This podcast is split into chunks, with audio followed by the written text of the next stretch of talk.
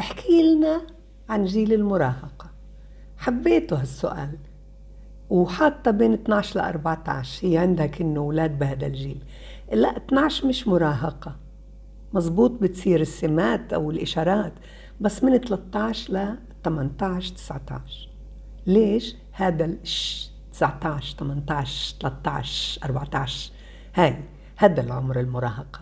فأوروبتي لما بدك تعرفي أي جيل جيل المراهقة. السكتيار اللي بيقولوا لي ما هن العصر الجديد. لا لا. مميزات خصائص العمر بعدها مثل ما هي مميزات خصائص عمر. بس صار يعرف أكثر لأنه في كل وسائل التواصل بيعرف. بس المميزات لجسمه تأجج.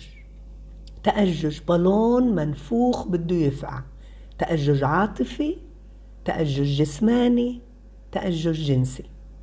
هدول ثلاثة. عنده بيكونوا عمالهم بفوروا يعني أي غزة صغيرة بفقع مثل قنبلة موقوتة.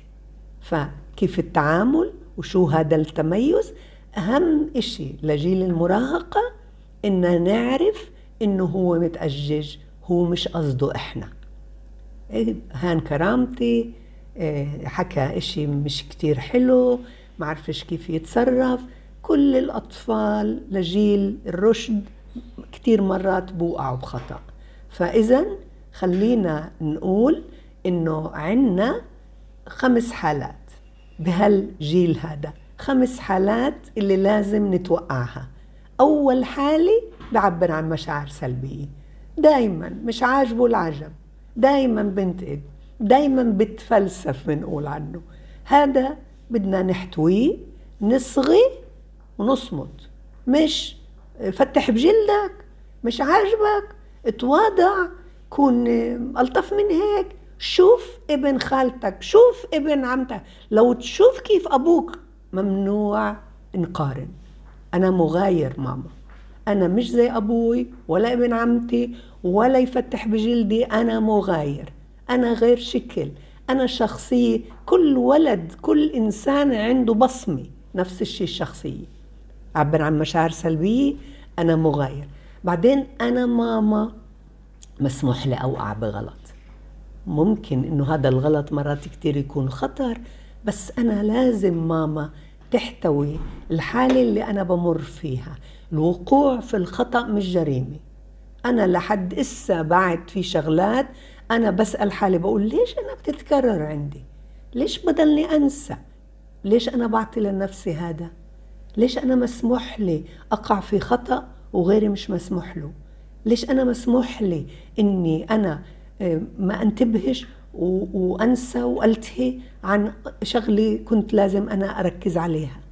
الخطأ هذا مش معصية إنما التجربة اللي بتعلم منها. رابع بدي أعترض. كثير المراهق بحب يعترض. يعني ما عندنا مثلا مناسبات عندنا دعوات عندنا طقوس بده يعترض عليها. بده يعترض. بده يتفلسف. بده يناقش. أعطيه يعترض. اصغي وأصمت. حتى لو جرك وقال لك شو رأيك؟ شو بتقول أنت؟ أنت بحترم رأيك. مسموح له يعترض. وآخر شيء كل المراهقين بطلبوا المزيد. بطلبوا المزيد. إن كان من ناحية مادية وإن كان من ناحية حرية كمان. ليش فلان أبوه بعطيه؟ ليش فلان أمه أخذته؟ ليش ابن خالتي بده المزيد؟ كمان من نصير نقول له تواضع كون قنوع. خليه يقول. لما في جو فيه حرية في التعبير آه، بتطور بشخصية سوية سعيدة.